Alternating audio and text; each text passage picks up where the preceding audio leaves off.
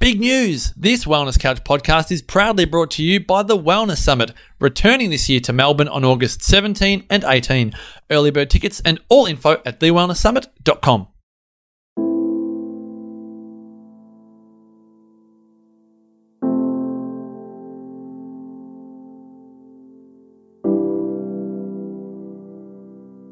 Welcome to Nourishing the Mother, where inspired women talk about the journey of motherhood through the common thread of parenting, relationship, and sexuality as a path to consciousness. We ask, in what ways can we show up more fully, live more meaningfully, parent more wholly, and love more unconditionally?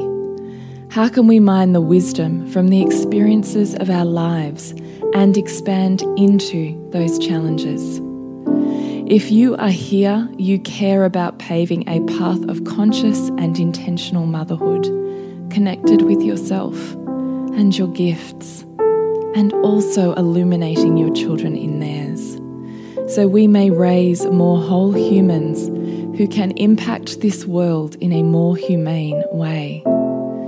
And if you feel like giving a little back to this free content, please become a patron of the show and receive extra member benefits for less than a coffee a month.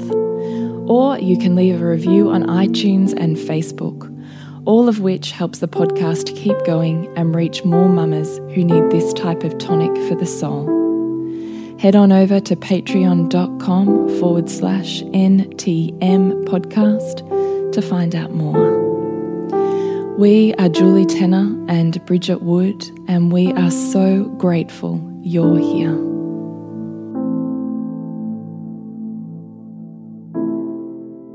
Hello and welcome to Nourishing the Mother. I'm Bridget Wood. And I'm Julie Tenner, and today's podcast is Consciously Preparing for Birth. Bridget's check in at 35 weeks. Hmm. Yeah, it feels big. Yeah. I don't know You have a gorgeous big belly. I do. And in fact, we are um, for the first time live recording our live streaming our podcast record for our Patreon um, Seek More group, who can see me now rubbing my belly like a Buddha. Oh, it's you have the most incredible belly though. Your shape in pregnancy is just phenomenal. Oh, Thanks. Yeah, I've been getting a few comments like, you know, you can't, you must be like due now, like surely, you know, you know all Yeah, that yeah, stuff. yeah, yeah. yeah. Everyone loves a comment on someone's body. Yeah. Always makes me think, why is it okay hmm. because you're pregnant and you hmm. become a Hey, at least they're not touching me, you know. Yeah, it's true. It's a step up. But still, when is it okay to just blurt out what you think about someone else's Yeah. body? Yeah. Oh, and you know, the, the classic one is, oh, it's got to be twins. I got that the other day. No, you did. I did. oh my god. Like, I seriously, like, no, there's just one. I'm really big. No, you should not say that. I kind of say it in a funny way just to see what they do back. You know, like, What happened with that person? just wasn't too sure. oh, anyway, bodies and pregnancy. Yeah. Everyone feels the right to comment. So there you go. Yeah, don't they? So, um, patron, new patrons. We have a big thank you to Yes. Susie and Carrie who've just jumped on. Um, That's awesome. So thank you so much for being a patron of the podcast. It really helps us concentrate on doing some great work on the podcast and putting out some what we think is hopefully useful content. Yeah, yeah, and it is like I mean, yes, we've later on down the track worked out how to who earn money from their motherhood and our wisdom and our experience, but the podcast itself has always been a completely free platform that we've put out in the world and does involve a lot of behind the Yeah, scenes yeah. work, people, Costs. costs. Yeah. Yeah. So, you know, because these beautiful women have got so much in their lives from this podcast, they're putting a little bit back, a coffee or a coffee and a coffee and a half or something like that a mm. month. And it really makes an enormous difference to what we're able to do with the podcast. So we really definitely appreciate that. And before we kick off, I'd love to remind you to jump on onto nourishingthemother.com.au and scroll on down to the red banner on our homepage and join our tribe. Once a fortnight, we'll shoot you off an email with links to everything we've put out in the world, and you can pick and choose where you'd love to dive deeper. And then occasionally we'll send you a little something else that's more of intimate musings between Bridget and myself. Hmm. So please jump on nourishingthemother.com.au and join our tribe. Hmm. All right, Bridget. So I've got a whole bunch of notes in front of me. We don't usually roll with too many notes, say, but hang on with the notes a minute. What?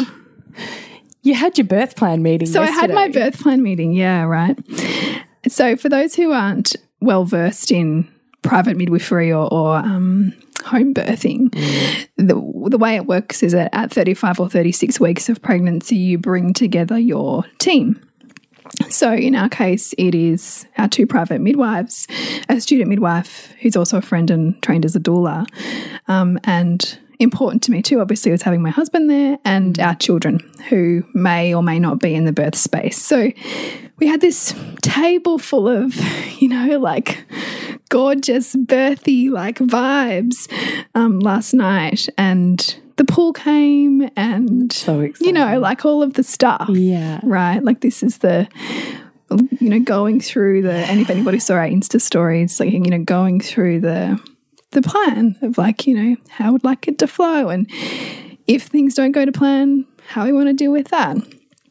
And it was just so so beautiful. Like I texted my midwife this morning and I said I just feel so aligned. Like thank you so much. And she said, oh, look, you know, thank you for a beautiful birth plan meeting. You know, like it was just, you know, I'd like Marcus cooked a special meal for her because she's vegetarian, you know, and and we made fruit platters and we had tea and my midwife brought cupcakes and you know, like this is the nourishing the whole mother, right?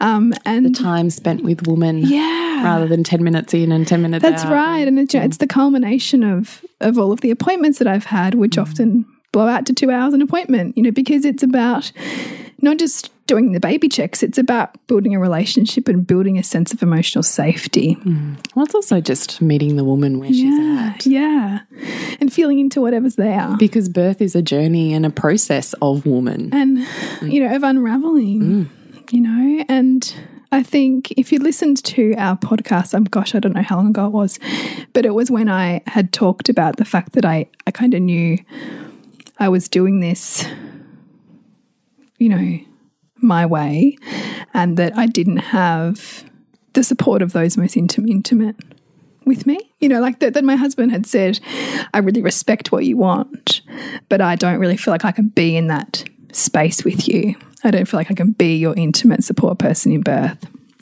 And it was a conversation that we'd had even before we, you know, got pregnant this time.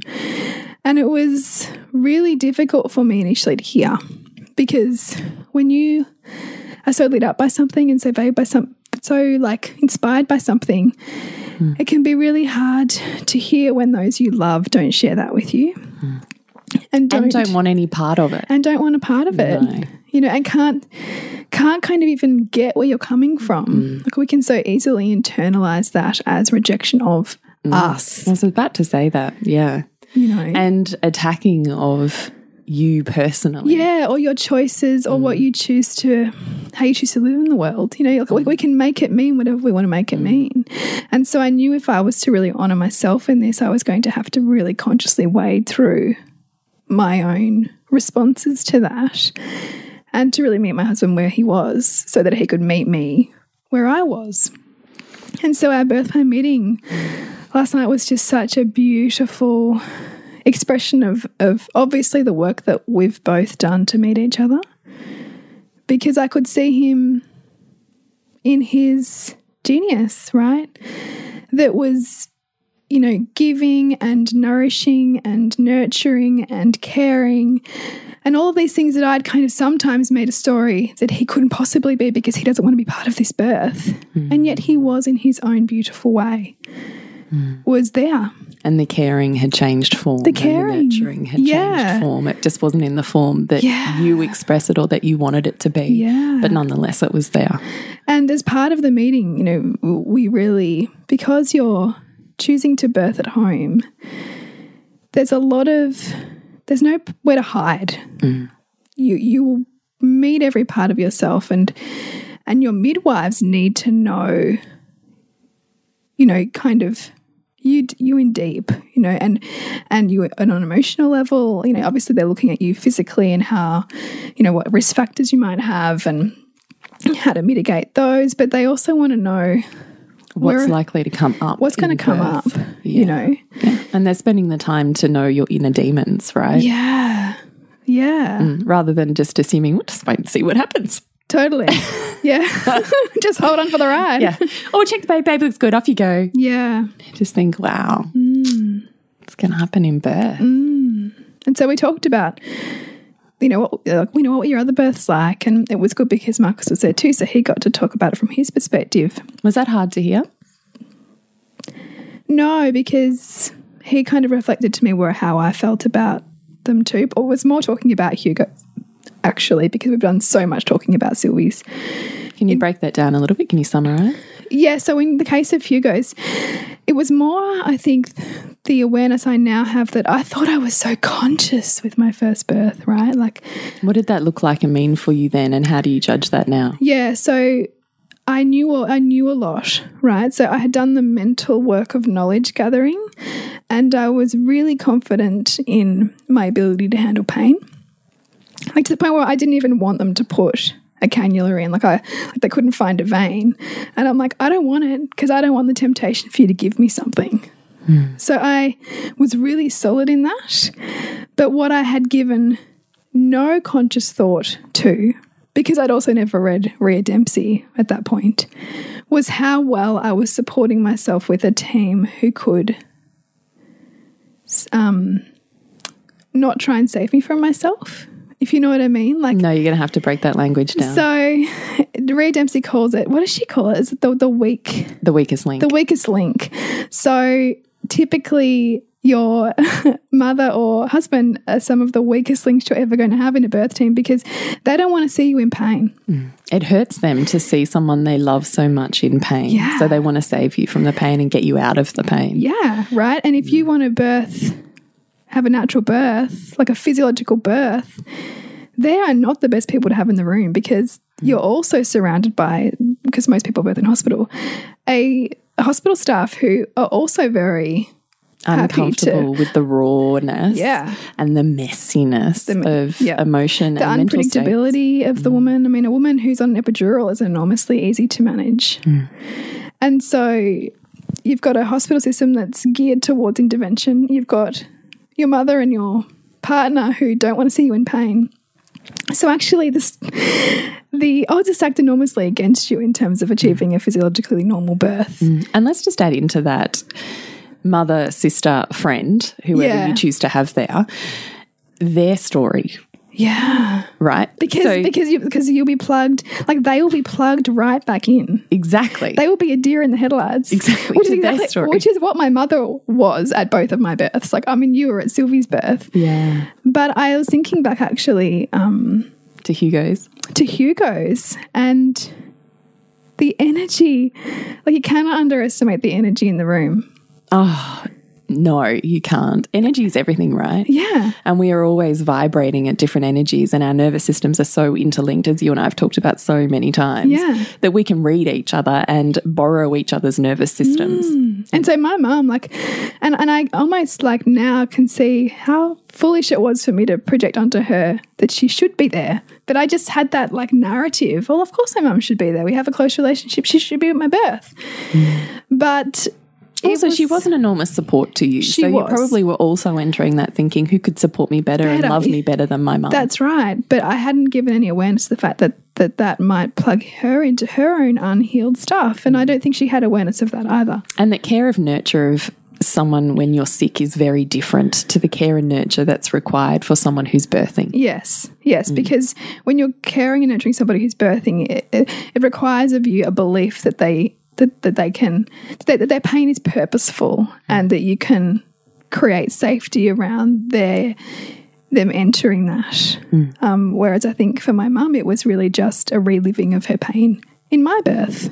Mm.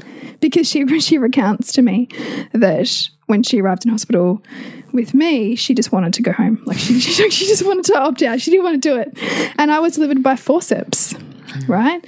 So I had to be pulled out. Like mm, Because she couldn't let you go. yeah, mm. and also you know, I think it also it's also often expressive of can I really enter this mm. motherhood thing? Am I really ready for this? You Yeah, know? totally. Meet all of the fears on the external world, right? Yeah. while they're tucked on the inside, you've kind of got this. Yeah. You can keep this baby safe. And You then, can keep yourself safe. yeah, it's true too. But the second this baby leaves my body, what does that mean? Yeah. So I remembered actually after that birth, saying, you know, and talking to her, and I don't recall a lot of looking at her in that in that birth, but at one point, she just looked like the same way she looked in Sylvie's birth was just kind of like She was shell shocked in shell Sylvie's birth. Yeah. Was- I think it was the same in Yeah. And so, and she'd said afterwards, I just wanted somebody to do something. Said every obstetrician ever. right? and so, you know, his birth, I actually had a wonderful, like, I, you know, experience I was really happy with at the time. And Sorry, that was mean of me. I should not be so crude. no, but but but you know, I'm totally with with you there. Um, but I, you know, I had an experience I was really happy with. But as I learned more about the context in which that birth happened, which ended up in an episiotomy, so I, you know, it was that that whole "you're too tired here." We're just going to do a little cut. You know, it'll it'll you know you'll be able to meet your baby much quicker. All of that stuff. I had a GP obstetrician for that birth. So it's kind of always going to go that way. However, Sorry, can I just ask you, do you remember what it was like having the episiotomy? And yeah, I mean, do you I don't really remember the feeling of of that of being cut. Obviously, I would have been. Um, there was like a local anaesthetic, but I remember like as soon as I'd not long after I'd had the had, had the cut, like he just like gushed out of me, and that was the best feeling ever. Like I loved the feeling of um, birthing him, and I'd had no pain relief, so I could feel everything, um, which is what I really wanted. So no trauma, physical or otherwise, around your episiotomy. No, except that it was painful to heal from. Like so it was hard to sit down, you know, it stung. You know, and I and I and I look back and I I think about some of the language I had around it. Like I think I'd like laugh and say, I feel like there's been like a truck driven through my vagina. Hmm. And I look back at that and I now and I think that is just awful. Hmm. That that is a language that we commonly hold, except around birth, and that we somehow just suck it up and just accept that that's normal when I don't think it has to be at all. And so it's been a process with each birth of stepping away from like our cultural acceptance of what's done to women's bodies hmm.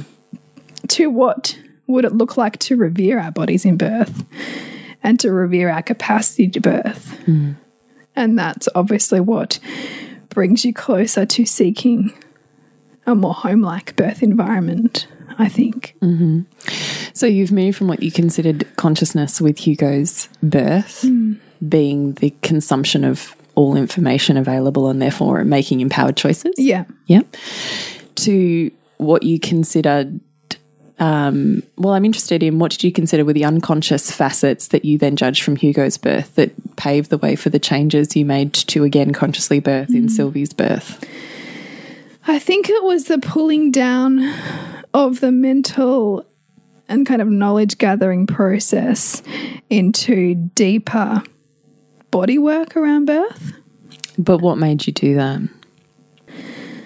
more connection to my own sexuality and sensuality because I've evolved enormously as a sensual woman since I've had my first child as well. Mm. So I have a lot more. Quite a paradigm shift. yeah, right? Because most people say that your sex life is over when you have children. Mm. Mine only got better. Hmm. So So what happened there?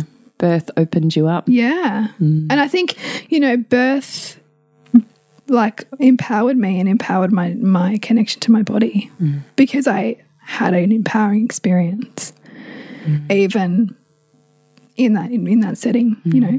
Mm. But if I remember rightly, with um, Sylvie's birth, you judged yourself for having the episiotomy. Yeah, because I didn't think that I really needed it or that I kind of got led down a garden path around it. Mm. I think I didn't understand the context in which it was given. I th because I know now that that hospital in particular is basically everyone gets an episiotomy. Here, you have one, and you have one, and you have one. You know, and and then I looked at the report after the birth, and you could see I was clearly hitting every one of the hospitals edges for their times that they like you mm. in certain phases. So I realized it was bigger than me. I realized it was maybe not what I needed, mm. but more about what The system. the system needed. And so then I was like, well, fuck the system. What do I now need to do to make it different? But I still met the system. No, no, no. But let's just go back. What do I need to make it different? So, when you first started discussing home birth, was Marcus on board it? yeah, like yeah, I mean he was Marcus trusts a lot of um how I choose to empower myself. Like he knows that I when I decide something or when I come to a decision about something, it's not made by halves. And I will I will be like a because like you know especially like trained as a journalist like i have to go deep and i have to go wide in terms of my information gathering. And i will not stop mm. until i have a strong grasp of what i think i need to know. And so yeah i mean he was supportive. He wasn't like yay woo awesome singing it, sing it from the rooftops but he was supportive mm. But then i also wonder was he really supportive or was he also not feeling like he could be truthful in how comfortable he felt in his role. Hmm. You know? Hmm. And did I not create enough safety for that? Hmm. For that level of congruence Yeah. to drop in Yeah. to the relationship, really, isn't it? Because what I saw from from Sylvie's birth was how he wanted to meet you in every way he possibly could. Mm. It's interesting, isn't it? It's almost like injected values, isn't it? Yeah. Is how can I morph myself in order to be pleasing and, and receive love? Mm. Yeah, like he almost made a like molded himself to meet me in all of these ways. Yeah. Like I will it's, it's almost like that. Well, there's a part of I will do whatever you need for you for you to feel loved and for you to love me. it's a feedback loop, You know? right? It's mm, still the appreciation feedback loop. When I do this, I get that. Yeah. Yeah. It's a training almost, isn't but it? I guess the question is, do we want that if it's so out of congruence? yeah, totally, right? And and I think that this next birth is, and this next pregnancy really has been a acceptance of, I really want to honor you and love you for what's authentically you. All right, so hang on. Let's go back a bit. Yeah. So Sylvie's birth. Yeah. So what was the consciousness that you perceived um, you had built upon and brought into Sylvie's birth that mm. was and because we're always I mean really we always try and try to improve on the previous birth Yes. experience, right? Yeah. So where did you perceive that you were more conscious and more on the path of improvement for mm. Sylvie's birth? I think I, I think I was really on path in some ways and then really confused in others. I think me that well, I think that it was came at a time when I was really trying to be something business wise, mm. which which kept pulling me out of my body and out of value, like long held values. So I guess you could call almost like a little bit of subordination or a little bit of injected values from people that were around me at the time. Hmm. And so I almost negated in some ways what was deeply calling me and therefore not doing the work that I needed to really show up in the way that that birth would have asked me to show up.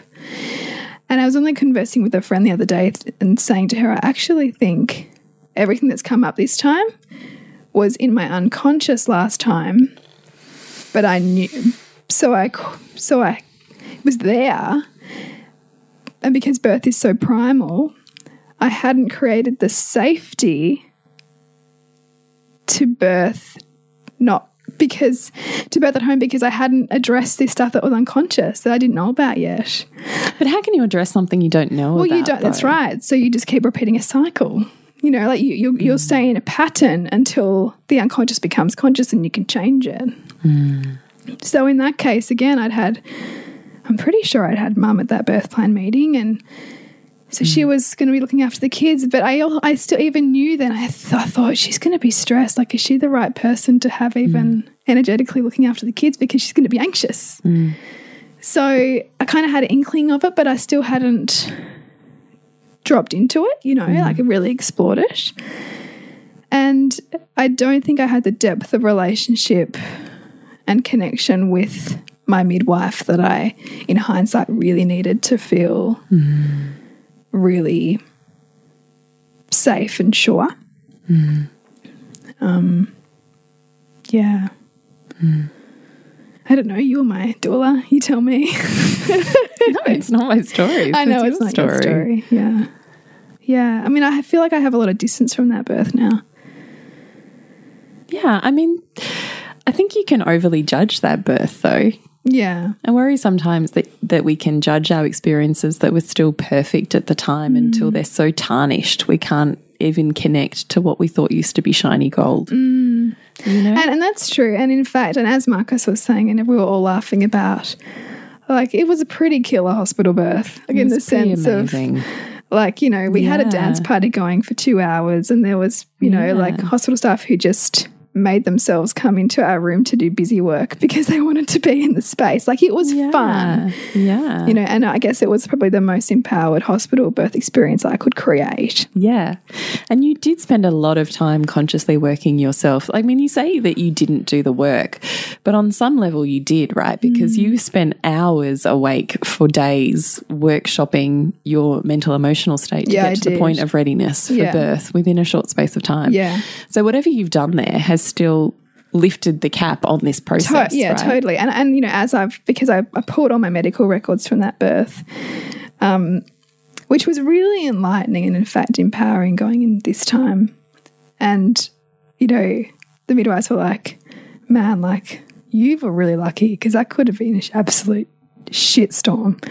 Because you know you're inducing when you, there's so many risks with induction, and I birthed really well in the in, in that you know environment, and I kind of fought for what I felt like I could fight for. And with a syntocin and drip with no epidural. Yeah, That's pretty rare. yeah. Usually so, they're like a, so that's the syntocin with no pain relief. Yeah. Yes, and usually they're like the twin deal, right? Yeah, and and Syntocinon drip with physiological third stage, which yeah, is pretty that's like, fucking. I have never heard of Well, that. in fact, the midwives were like, they probably shouldn't have done that. Like, it's not, it's not ideal. but, you know, I still got to bring my baby up into my own arms. I got to cut my own cord. Like, yeah, you still birthed her totally. you know, Yeah. Mm. I did all of that in that environment. And, you know, and I had to push back. Like, there was things I said no to. And Asked more about. yeah, you know, like Mm. they wanted to give me everything under the sun. And it was like, no. Or is that really Mm. necessary? But then there were still some things that I really felt swept up by. And it was those things that remind me how much we are a product of whatever culture we're plugged into. And there was still clearly. Mm. And again, your support team, right? Yeah. Because you're only as strong as your weakest link. Yeah. That's right. So who's your weakest link? It's the whole point, isn't it? Yeah. Yeah. You want your weakest link to be pretty strong. Mm. and to you know to be looking at you know other conflicts of interest or you know other the relationship dynamics that are going on like Yeah. you know there's a lot there So much. and you know so much there from that birth has informed what I've taken into you know this pregnancy So tell us about that. Um well it's got me to research even more to become even more solid about the choice to home birth so that the question of safety is not even a concern of mine now. So that What changed? What changed for that? um well my amazing friend was did, did some incredible research that's come out in Victoria around home birth statistics, which essentially says that it's as safe, if not safer, for low risk women to birth at home. And I'm a low risk pregnancy. Yeah, yeah. Um, so that's good. Um, and also, I think just to be able to really talk through everything, um, every possible risk with my midwives and know exactly what they're talking about, you know, and even know all of the jargon that they're using because I've read enough to understand understand it. I've also I can't believe it's taken me this long, but I finally read Ina May's work. You know, I wish I read that in I can't believe you never read her I can't book. believe it either. Because seriously, Fucking revolutionary. well, that would have cha- probably changed the, my trajectory Yeah. before my first birth Yeah. because it's a very different way of looking at birth. Very different. Yeah. yeah, and and she's backed up a lot of safety stuff in there too. Yeah, yeah. Um, so that's changed things. Um, more body connection, probably really conscious connection with my baby. Um, and really listening to what I need and trying to balance that with what everybody else needs as opposed to push, push, pushing. Um, what else? Yeah, I just feel really aligned.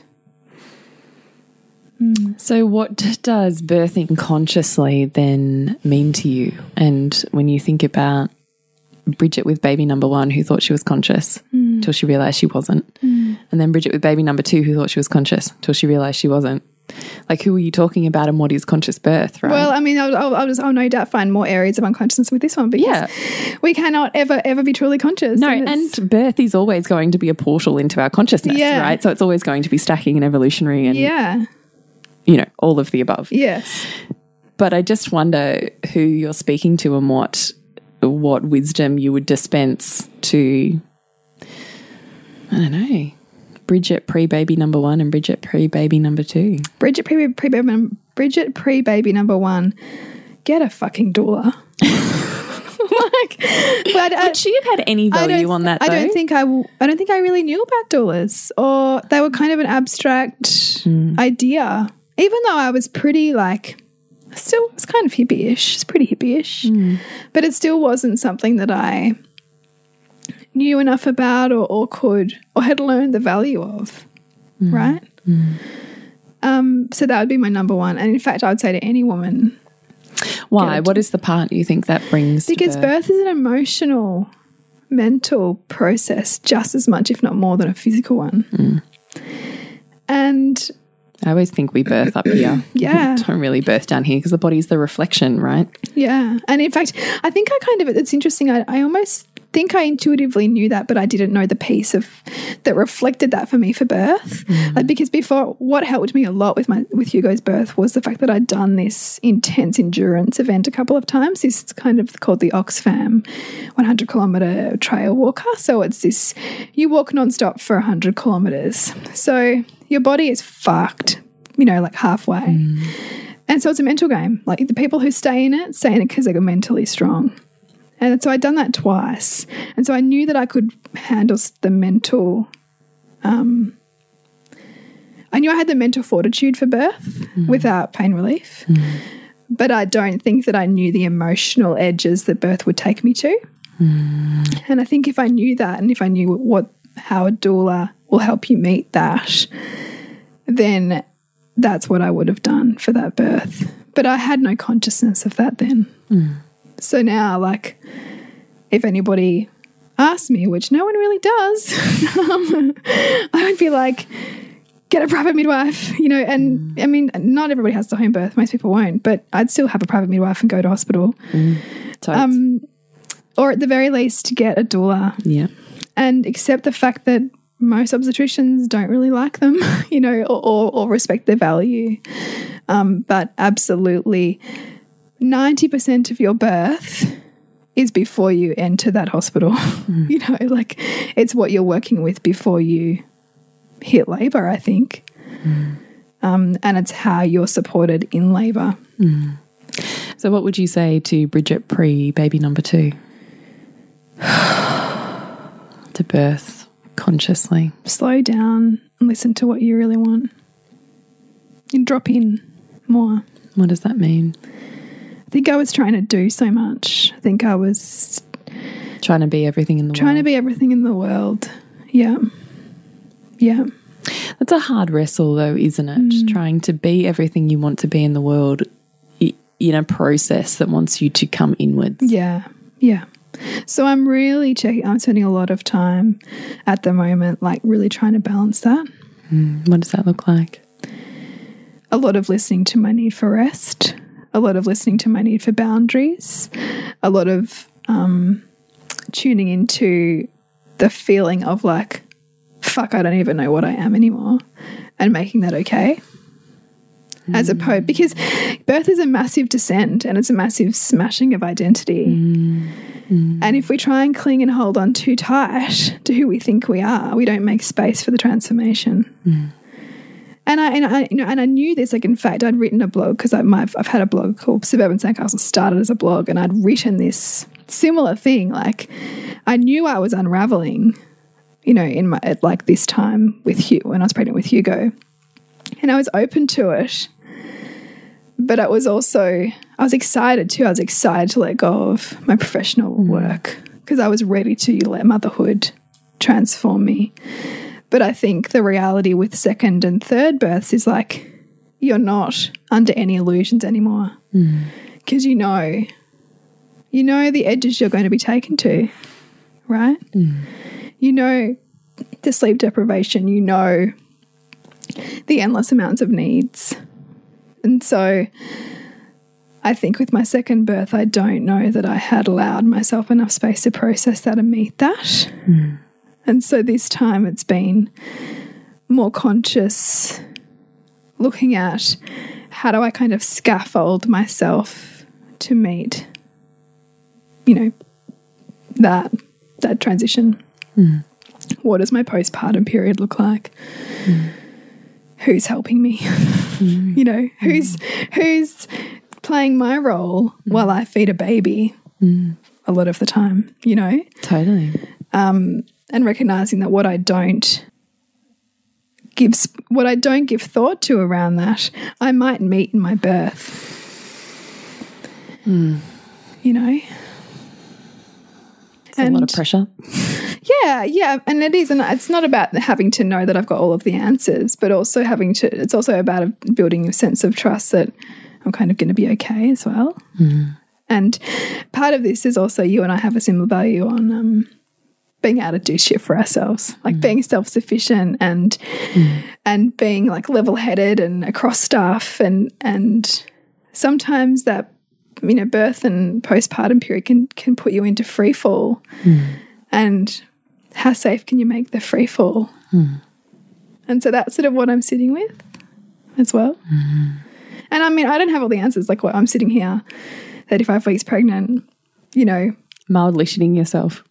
What? I said mildly shitting. Yeah, yourself. exactly. Mildly shitting myself. Like I can, I can put every plan in place in the world, but you know, I don't. There's no know. guarantees. There's no guarantees. No. And that's scary because, particularly when you're making it public, there's a whole part of ego and identity yes. and just a deep desire hmm. that if you were any other person, no one else would know about. Yeah. So the failings of, if there are any, would be a hmm. private concern. Yeah. And here they're not. And it's really fucking vulnerable. It's really scary. Yeah, I really get it. Yeah.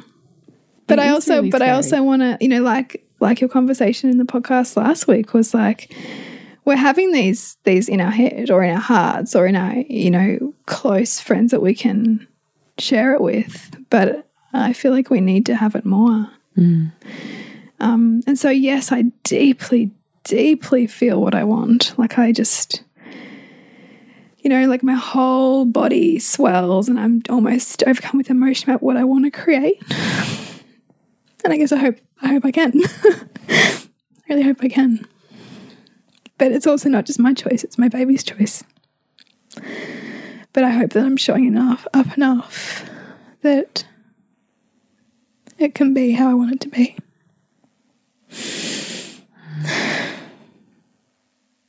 It's a pretty beautiful image. Do you know, I've sat with women sometimes in birth plan meetings or, you know, in the lead up to and said, Can you see your ideal birth, your perfect birth in your head? Mm. Can you hear it? Can you taste it? Can you smell it? Can you see it? Can you feel your baby's skin the minute you touch them? What does that look like?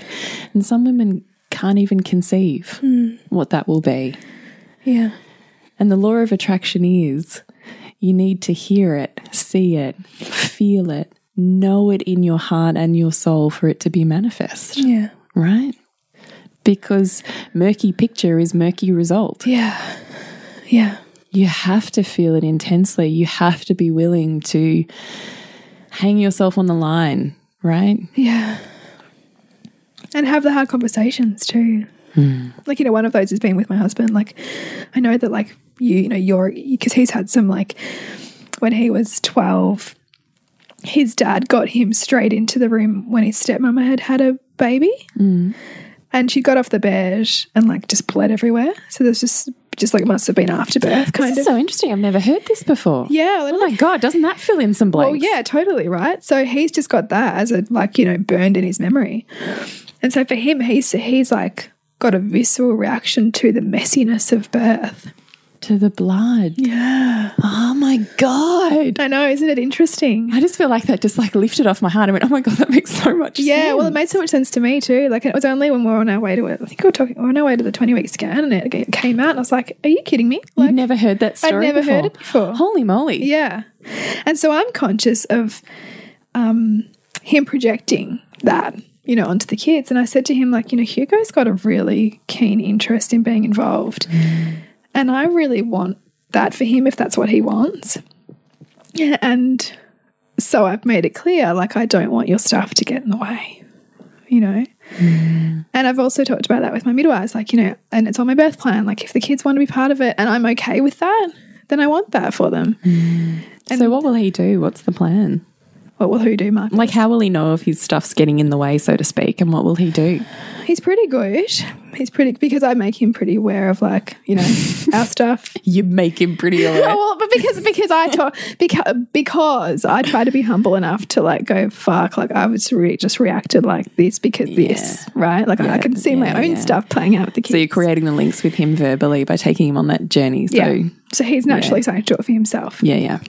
And so for him, I said, I've said, you know, just tune in to where they're at. Like if they feel like, if, if you feel like you need a break and they need a break, go to the park or, you know, like go and play on the trampoline. Like he's fantastic at attachment play and how that will help him, you know, regulate will help the kids regulate. Hmm.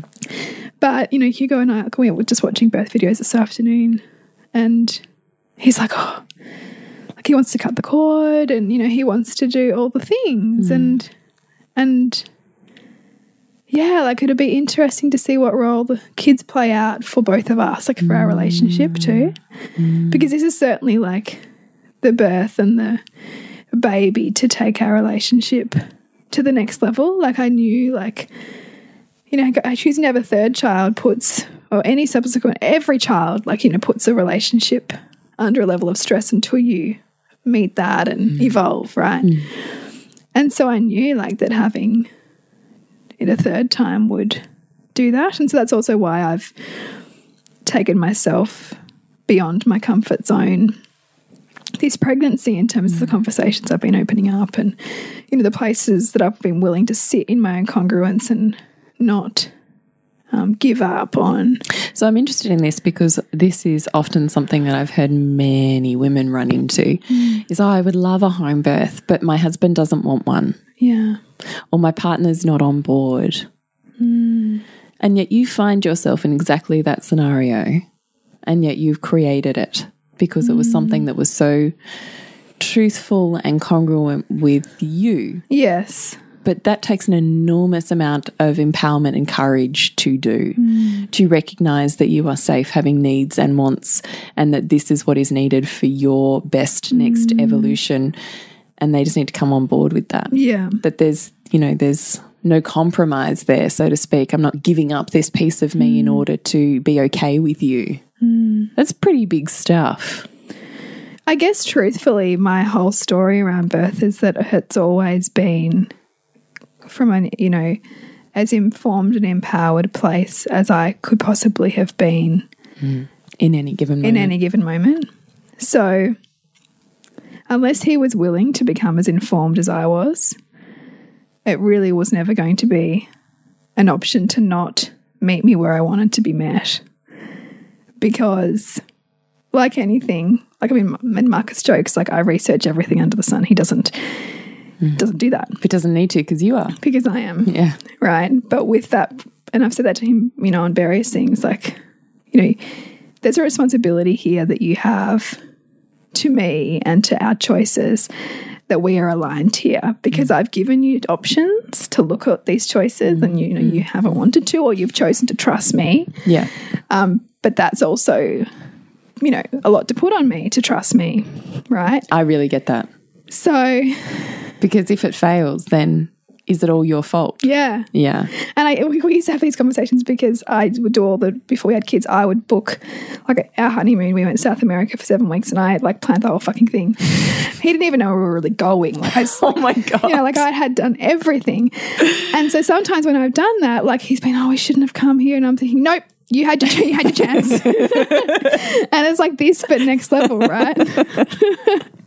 but that is where it's important, and in particularly in the case of like, you know, planning a home birth with Sylvie, I really had to establish his sense of trust in it before I could fully let go into it. Like, so that meant meeting a midwife hmm. was the first step. And I, and I mean, I, I don't think that I would really accept a partner's lack of willingness unless they were willing to outline all of their reasons why and explore them. Hmm. Because I don't think By it's which enough. you're meaning listen to where the opposite is true Yeah. and weigh up what is an emotional trigger versus what is sound knowledge and fact. Yeah. Hmm. So in the case of what's clearly an emotional trigger for Marcus around birth is the messiness of it because of his previous trauma, right? Yeah, I was going to say, it's not even the messiness, though, is it? I mean, it is literally the experience for him as a child. It would be death. Yeah, possible. I, I don't even know if he associated with that though. I don't think it was because he didn't have. It was a stepmom. He didn't have a close relationship with her. I don't think he linked it to that. I think he linked it to just visual disgust. Was his ah. was his um I still think they're gonna, there's going to be a root fear under that. maybe yeah People panicking in the room. Yeah. Although nobody else was panicking. Like, I, I just think it was just the sight of, you know, what is a lot of bleeding, you know, in the mm. day, in, you know, the days, hours post birth, and that not being hidden, that being there to mm. see. Mm. So, yeah, I, I don't know that I could accept that it was that they could make it a sweeping statement or sweeping belief that oh no, when I'm not I'm not on board with home birth. When that's made from a place of complete lack of education. because we also live in a country that has a you know, pretty vexatious attitude towards midwives. Hmm. There's 12 home birthing midwives left in Victoria. in Melbourne, in Victoria. Yeah. And yet, home birth is one of the first things that's offered under the NHS in the UK. Hmm. Like it's just one of the models of care. Oh, do you want to have a home birth? That's what they ask when you get pregnant and go and see someone in the UK. Hmm. Yeah, community midwives. Yeah. It's normal. Hmm. So, As it is in many countries. as it is, yeah, exactly. Apart from Australia and the US, it seems. yes. But so I, I guess I don't have a lot of time for that kind of attitude where, where there's no willingness to look beyond your belief system to find something, you know, some some merit. But then I also can see as a woman, like that that's hard it is vulnerable, to right? To ask them, unsupported. yeah, to ask them to meet you there, particularly when there's a lot of um, fear of them still saying no, and it's something that's important to you. So it's almost like it's safer for me to just accept this than than go down this road and them still not be okay with it. I do wonder if some women check mm. out at that point because it's just easier to parent myself to accept this than Deal with the conflict in Yeah. the relationship. yeah. But I think it's all about values, right? Like if it's something I think it's going to be if you have a childhood story on relationship and conflict too, though. Yeah, yeah, that you don't want to go into conflict. Mm. Yeah. Yeah, true. And you know, if it's, it's the whole thing about values, isn't it? Like if it's something that's high enough for you, you'll Do whatever you need. you'll need do whatever you need to do. You know, you'll fight for it. Um, but yeah, I really hear that, and I, and I and I guess too, like it, it, it's pretty easy for you know a lot of other people to also jump on board your partner's point of view because there's a hell of a lot of other people who will also think, why would you want to do that? You know, I remember you recounting once, like the people would say, "Oh, you know, you're brave having a home birth," and you'd say, "No, I'm just informed." I was pretty feisty back with my number one. I think that was I think that was after Lola. That, Was that it? Time. Yeah. yeah. Uh, well, there you go. I was feisty by Yeah. number three still. you were still holding like, on to it. oh no, I'd let that go. No, Yeah, you not. were still pretty self righteous around birth with number three. Yeah, fair call. but that's funny, isn't it? Because um, you know, it's all about what lens you're looking at it from. Yeah, isn't it? Yeah. Yeah. Do you have any other pearls of wisdom that you would like to drop on us in regards to consciously creating a birth or consciously working through relationship to create the birth that you want? I think it's about you know, you are you are able to meet the birth you desire, not only on the inner work that you do, but on how well you support yourself with a team that's aligned with what you want to create. Because interestingly, this time I have met no resistance, nothing.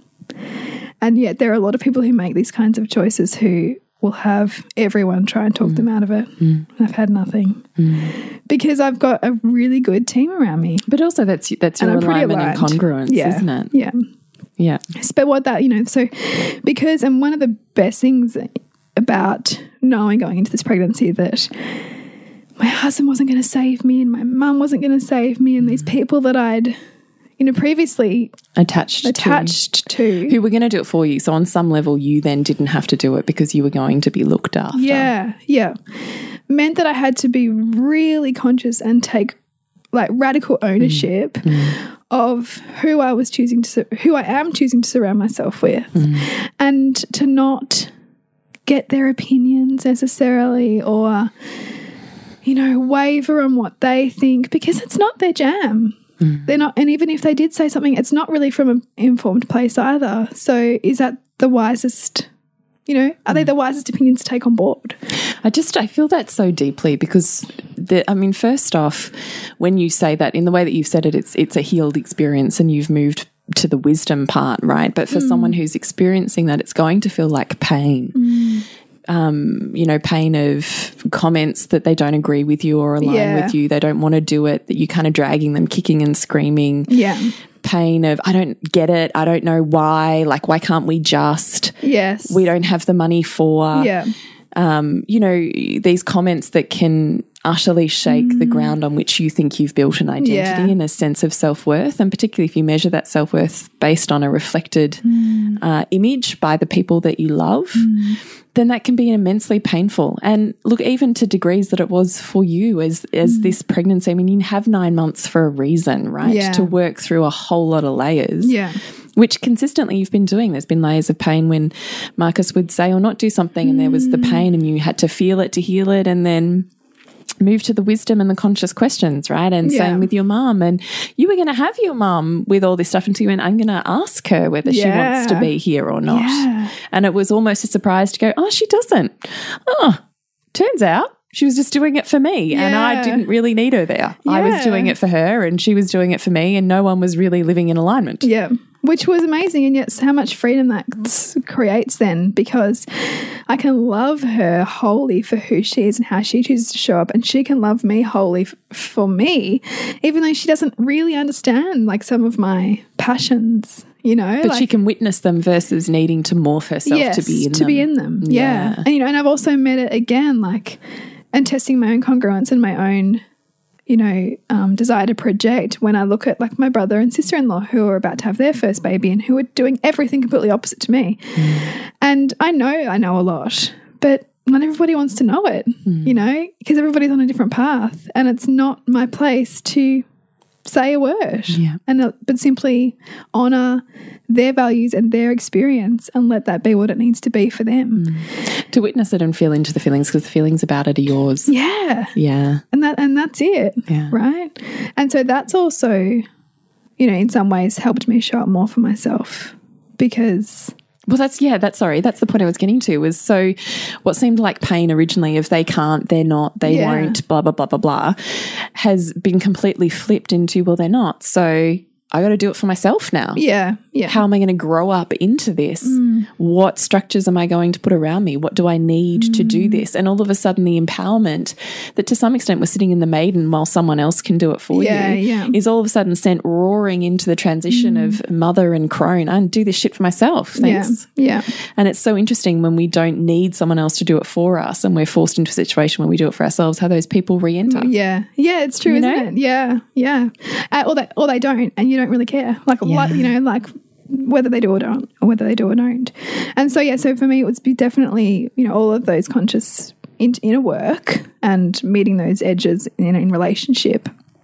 And then it's also practically looking at aligning myself with just the right midwife right? Like finding mm-hmm. the perfect midwife or midwives.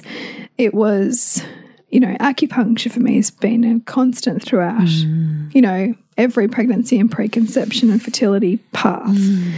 Yeah. Um, it's finding a fantastic chiropractor who's just divine. Um, and seeing her regularly and taking my whole family to see her, right? Because we're working on a family system. Mm. Because this baby's already here on some level. Mm. And this baby's already shaping this family.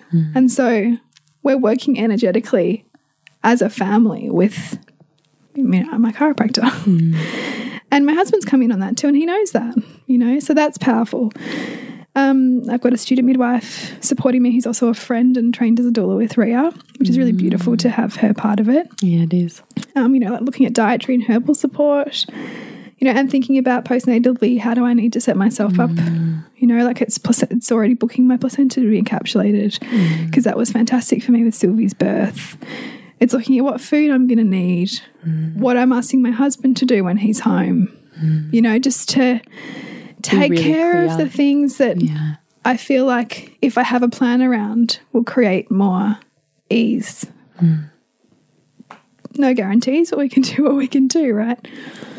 Always.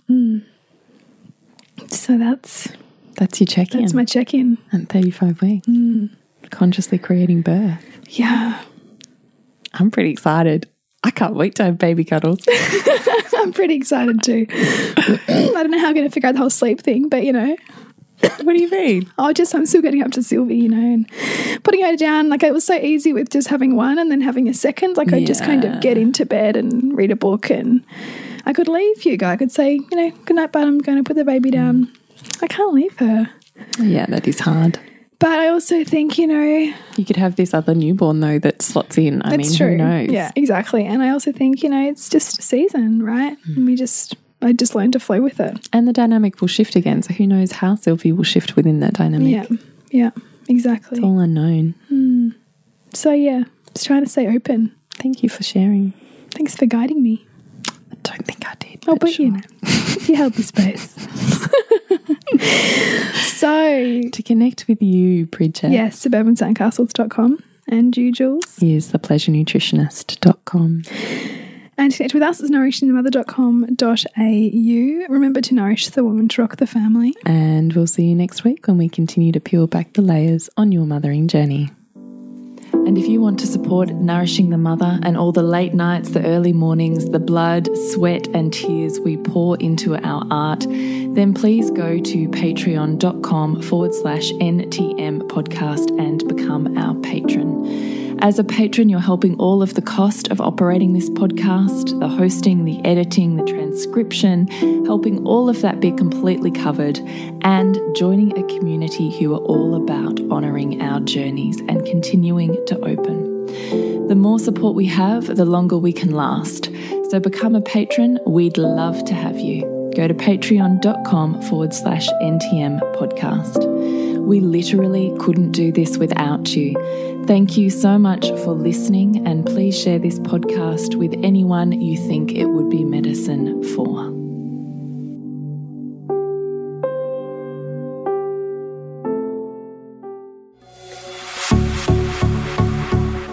This has been a production of TheWellnessCouch.com. Check us out on Facebook and join in the conversation on Facebook.com forward slash The Wellness Couch.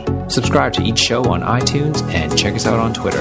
The Wellness Couch, streaming wellness into your lives. Whilst the Wellness Couch presenter endeavor to provide accurate and helpful information to their listeners, these podcasts cannot take into account individual circumstances and are not intended to be a substitute for health and medical advice from a qualified health professional. You should always seek the advice of a qualified health professional before acting on any of the information provided by any of the Wellness Couch podcasts.